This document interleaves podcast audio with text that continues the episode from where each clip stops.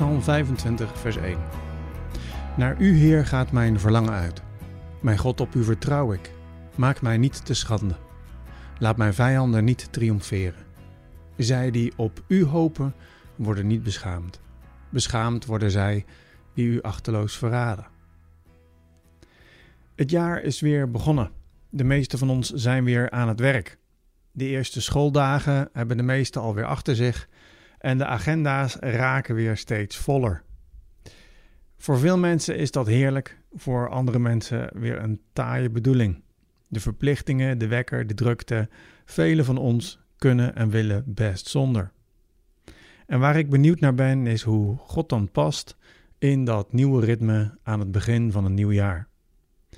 De praktijk is vaak dat het best ingewikkeld kan zijn om God een plekje te geven in dat ritme, in dat drukke leven. En ik wil vanmorgen met je nadenken over deze psalm en aan de hand van deze psalm een aantal gedachten met je delen. Waarin ik je wil bemoedigen om God echt te betrekken in het ritme van dat startende leven. De psalm begint prachtig. De MBV zegt: Naar u, Heer, gaat mijn verlangen uit. De Statenvertaling vertaalt met: Tot u, Heer, hef ik mijn ziel op. Dat is natuurlijk heel verschillend. Ik til mijn ziel naar u op.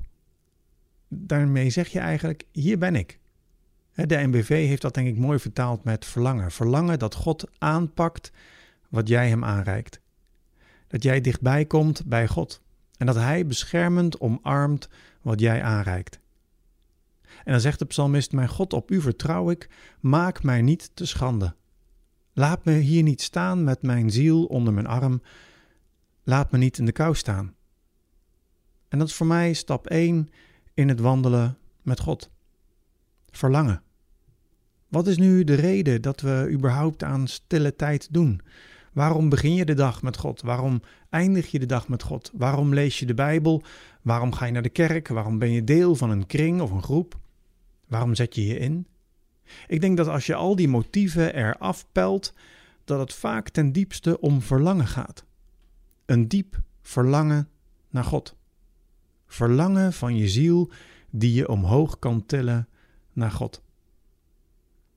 Ik denk dat diep van binnen er een leegte is die alleen God kan vullen. Dat er nood, gebrek, gemis, weemoed is zonder God. Ik geloof dat er meer is dan alles dingen op aarde die mij kunnen vullen. En als we ons werk en school weer oppakken, als alles weer zijn gewone ritme krijgt, geef je dan ook ruimte aan dat verlangen naar God. Rich Vilodas die zegt in zijn prachtige boek dat wandelen met God geen techniek is, maar een verlangen. Ik verlang naar God.